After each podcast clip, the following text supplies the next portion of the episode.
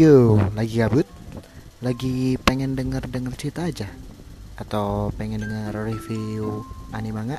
Atau sekedar denger cerita-cerita receh dari orang aneh nih?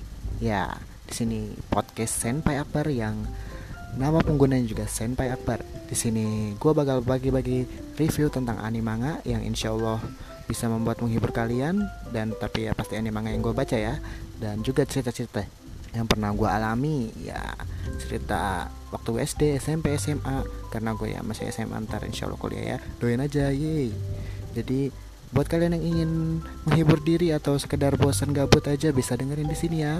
Jadi di podcast yang banyak bye